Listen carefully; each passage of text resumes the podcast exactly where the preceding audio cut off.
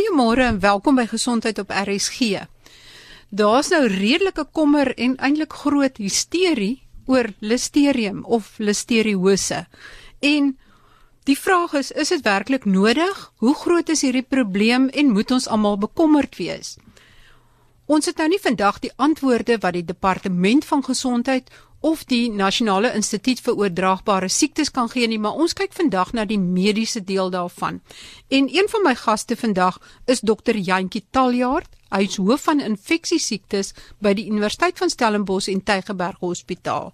Baie welkom dokter Taljaard.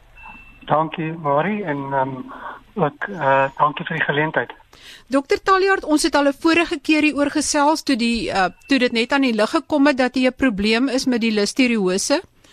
Maar dit het nou baie lank gevat, byna 'n jaar vanaf die eerste gevalle begin uitdop het en nou uiteindelik het die departement vasgestel dat dit herlei kan word na verwerkte koue vleise soos polonies, weense worsies, frankfurters en ander uh, koue vleisprodukte wat by 'n spesifieke fabriek of aanleg gemaak word. Maar Is dit moeilik om vas te stel waar dit vandaan kom? Kan jy net so bietjie agtergrond daaroor gee alhoewel jy nie dit nie 100% jou veld is nie? Ja, nee, definitief. Ek dink 'n mens moet daarom um, ook kyk dat die die, uitbraak is definitief al teenwoordig vir 'n jaar of bietjie langer, maar dit het daarom 'n rukkie gevat vir vir vir ons om te besef dat daar 'n uitbraak is. So die die ondersoeke vir die vir die bron van die van die infeksie is nie noodwendig al van Januarie uh 2017 2017 al aan die gang nie. Dis eers maar hier van die middel van die jaar af daar 'n uh, besef gekom het dat daar is nou meer gevalle as wat ons kan verwag en dat dit dat dit waarskynlik 'n uitbreking um, um, um, voorstel. So die die die ondersoeke is nou maar so 6 7 maande aan die gang intensief. En ek dink mens moet mens moet ook besef dat die die inkubasieperiode, met ander woorde die tyd wanneer jy mense infeksie kry, tot wanneer mens siek word, kan kan kan kan varieer van van 'n paar weke tot tot selfs 'n maand of langer. So is baie dit is baie moeilik om die wanneer die persoon siek word agter te kom wat het hy geëet uh, uh 20 dae of 30 dae terug wat aanleiding kon gee tot die infeksie. So daai ondersoek is natuurlik ook bemoeilik deur die relatiewe lang inkubasieperiode van die siekte. So dit is 'n ekstra kompleksiteit wat ingekom het by die by die ondersoek. Dis hoekom dit uh, so so so ehm um, uh 'n goeie storie is om te sien hoe die uiteindelike um, bron gevind is uh deur die die die die die groep kinders wat wat wat infeksie gekry het by die skool. En dat hulle gelyktydig uh, voorgedoen het by by by 'n pediater wat dan ook die regte toets gedoen het op daai tyd. En daar kon net 'n onmiddellike koneksie gemaak word um, omdat hulle saam dieselfde dieselfde soort kosse geëet het. Dit was eintlik 'n baie Ja, dit was eintlik 'n baie gelukkige deurbraak definitief. Dokter Taljaard, uh, kan mens sê listeriose is 'n soort voedselvergiftiging? Ehm um, ek ja, ek ek sou ek sou dit nie so so vergiftiging noem nie want voedselvergiftiging sou ons meestal ehm uh, um, in verband bring met 'n 'n bakterie of 'n of 'n virus wat wat uh, van voedsel af oorgedra word wat meestal 'n toksien vrystel. Ehm Dit is soos jy, jy neem die voedsel en um, binne ure of dieselfde dag of die volgende dag is jy siek um, en jy gooi op en jy het het het het, het, het uh, diarree. Dit is so die voedselvergiftiging. Maar dit is natuurlik 'n baie breë term en dit word op verskillende ehm um, uh verskillende maniere gebruik. So ek sou sê dit is 'n voedseloordraagbare infeksie. Die die die die vergiftiging deur is van meer die die kortstondige diarree wat kan ontwikkel direk na infeksie. Ehm um, soos met die kinders. Maar die siekte waaroor ons eintlik meer bekommerd is is wanneer dit nou 'n uh, 'n uh, uh, bloedstrominfeksie of meningitis veroorsaak. Wat nie noodwendig onmiddellik gebeur na die na die aanvanklike infeksie nie, dan ook die die feit dat dit oordraagbaar is van moeder na na na kind. Ehm um, uh, en swanger pasiënte is ook 'n uh, unieke konsep wat nie noodwendig met ander uh uh, voedseloordraagbare siektes teenwoordig is. So dit is anderste, maar dit is definitief kom van voedsel af ja. Goed. So waar kom kom ons begin by die begin en sê vinnig waar kom hierdie Listeria bakterie voor? En as hy nou in die grond of in die omgewing is, doen hy dan niks nie of wanneer word mens bewus van die effekte van hierdie bakterie? Ja, ek dink dis 'n ander faktor wat wat wat bydra tot die tot die tot die probleem met die ondersoek van die uitbreking. So dit dis 'n bakterie wat wyd voorkom in die omgewing.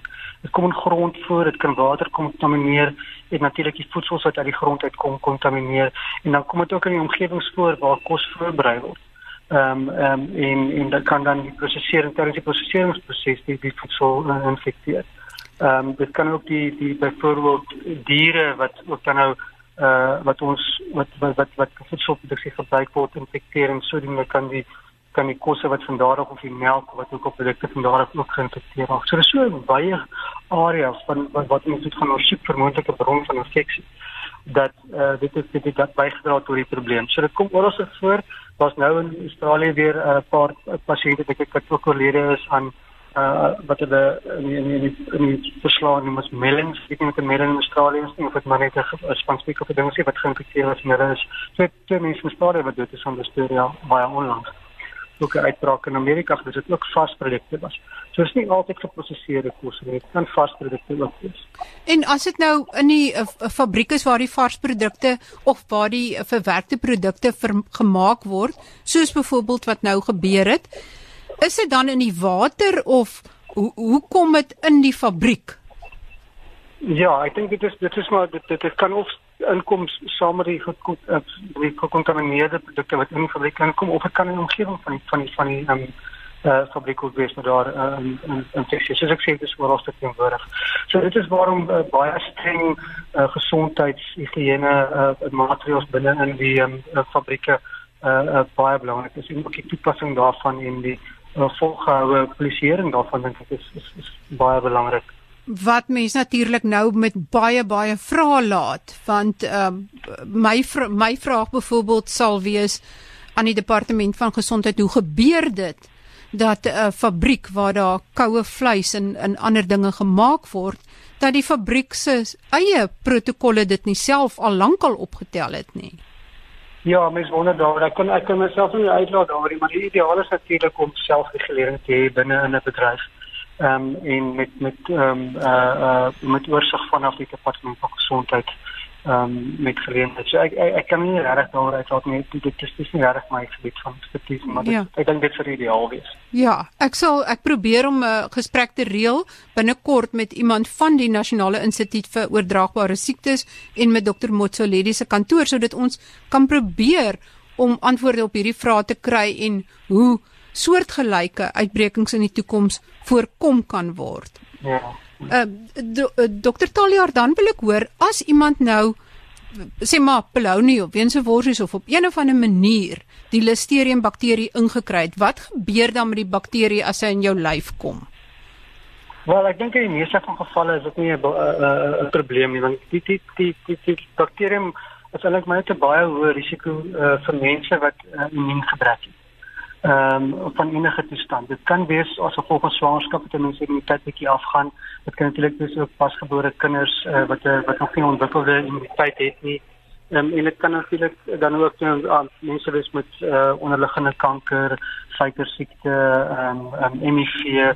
Daar's so baie uh, area van van toestande wat aanleiding gee tot immuunonderdrukking. Daai persone is die hoogste risiko as as gevolg van 'n swak immuunstelsel. So normaalweg as jy 'n goeie immuunstelsel het, dan is die is die is die bakterie nie eintlik 'n uh, hoë risiko nie. Alhoewel afhangende van die die die hoeveelheid bakterieë wat mens inkry kan nog steeds siekte veroorsaak. So enigiemand kan siek word, maar eintlik is dit maar meer die mense met swak immuunstelsel. Daarna as mens 'n infeksie kry veroorsaak dit gewoonlik 'n gastroenteritis, diarree ehm um, um, en en so wat gewoonlik van geringe graad is uh, en selde hospitalisasie nodig het en en dehydrasie veroorsaak maar wanneer dit dan 'n uh, die verdere uh, uh, komplikasies sou hê dan dan gaan dit in die bloedstroom in en kan ook dan spesifiek meningitis veroorsaak. Dit gaan na die na die na die breinvlies toe veroorsaak meningitis. Uh veral in daai persone met immuunonderdrukking. En natuurlik nou in die moeder na kind oordrag dit, dit dit gaan na die pasiënt word oorgedra na die ongebore baba of dan nou na die babatjie direk na of tydens geboorte. En as dit ehm um is dit dan gewoonlik die oorsaak van dood nie die diarree nie maar dat dit meningitis veroorsaak? Uh, definitief. Of 'n bloedstroominfeksie wat wat ons noem algemene sepsis of dan 'n meningitis. En is dit uh, behandelbaar? Sê maar as mens dit vroeg opspoor. Definitief. Uh, dit is baie behandels baie sensitief vir die eenvoudige penicillin um, antibiotika. Ehm um, en uh, die probleem is altyd maar net om dit vroegtydig op te spoor ehm um, in in mense met met met met swak immuunstelsel. Uh, want as jy immuunstelsel te sterk is, dan natuurlik jy het immuunstelsel nodig vir die antibiotika ook om om effektief te wees. So dan weet as mens lank vat om die diagnose te maak en dan nog immuunonderdrukkers dan dan, dan, het jy soms swakker uitkoms. En ehm um, as mens uh hoe weet mens dat jy na 'n dokter toe moet gaan? Ek bedoel baie van ons kry elke nou en dan miskien 'n ma ongestelde maag, maar hoe weet jy wanneer jy moet dokter toe gaan dat dat jy skrikkerig moet wees?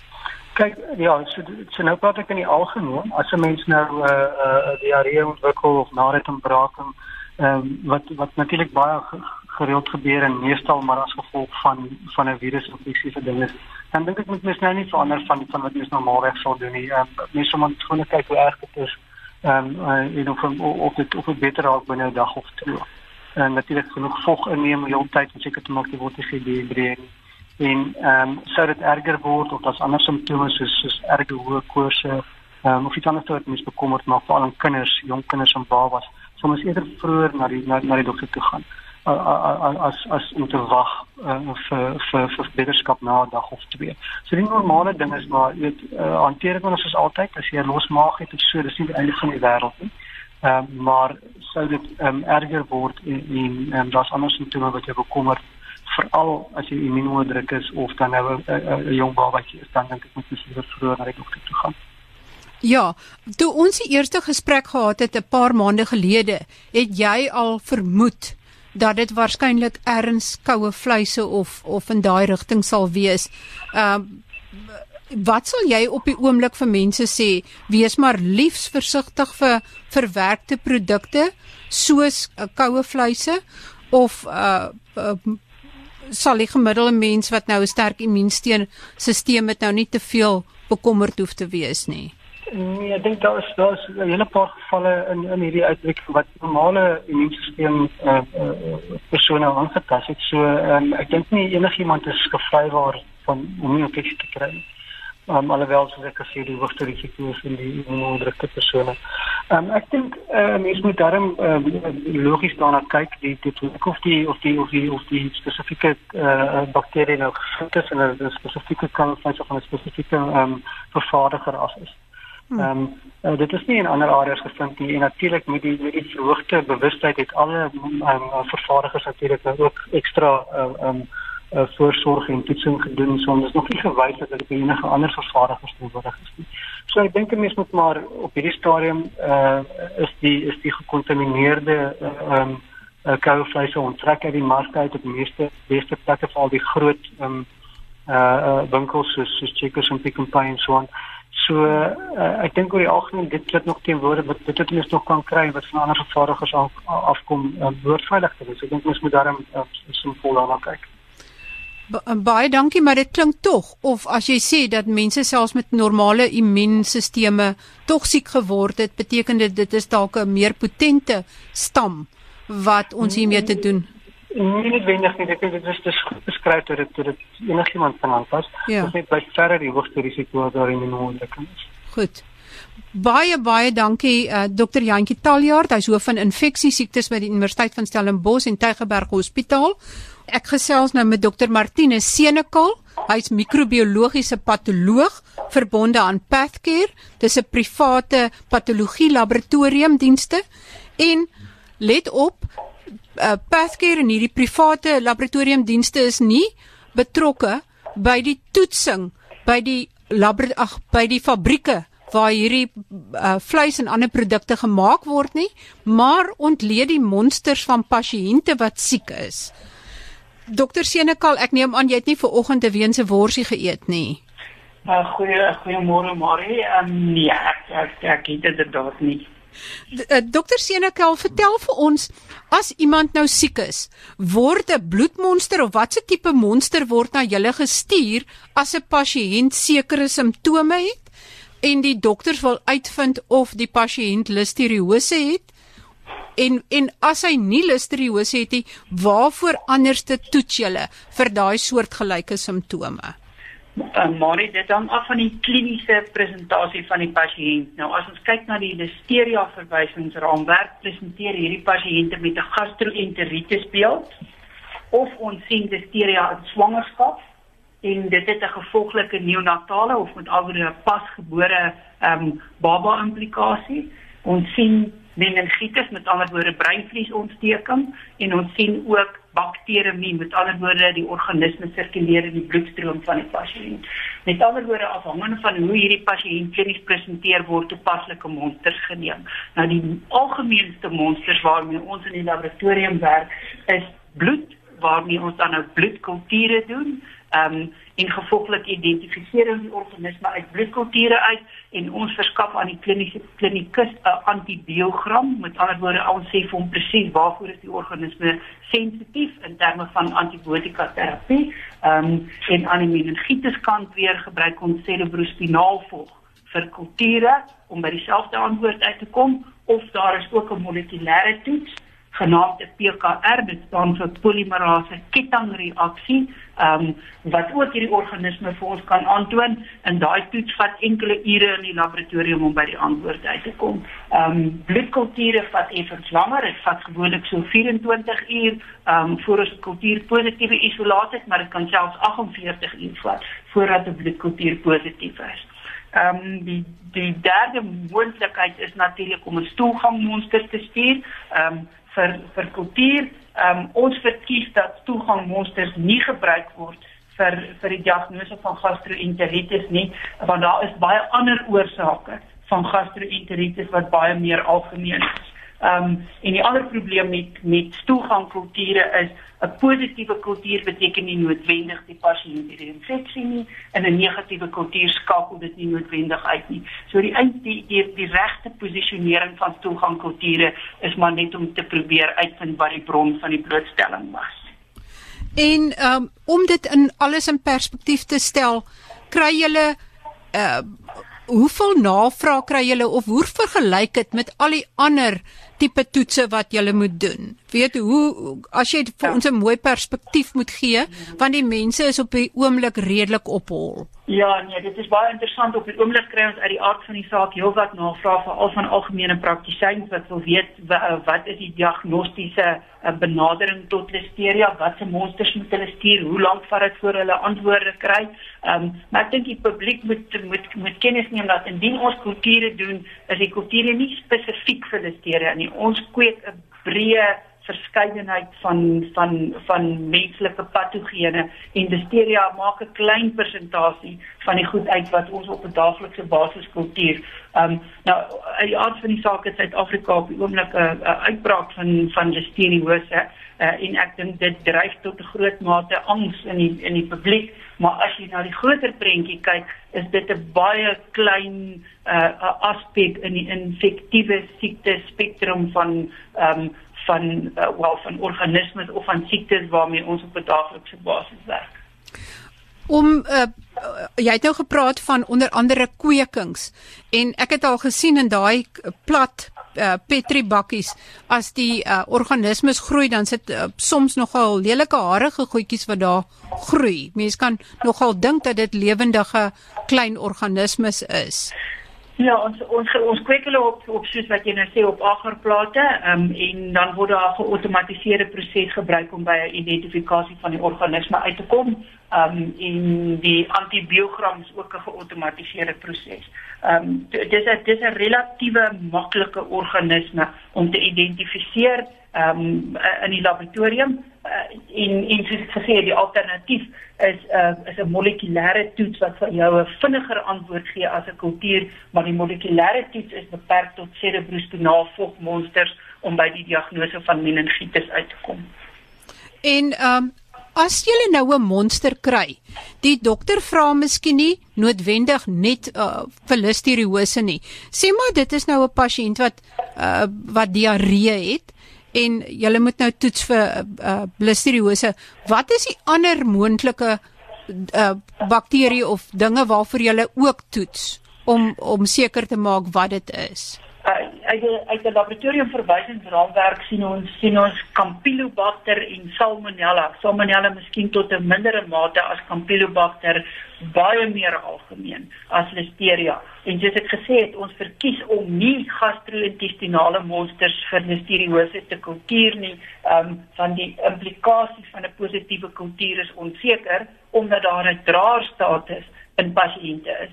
En draerstatus persentasies wissel maar ergens tussen sê 5% of 10% van die bevolking dra listeria op 'n verbygaande basis uh sonder dat hulle enige kliniese simptome of siekte het.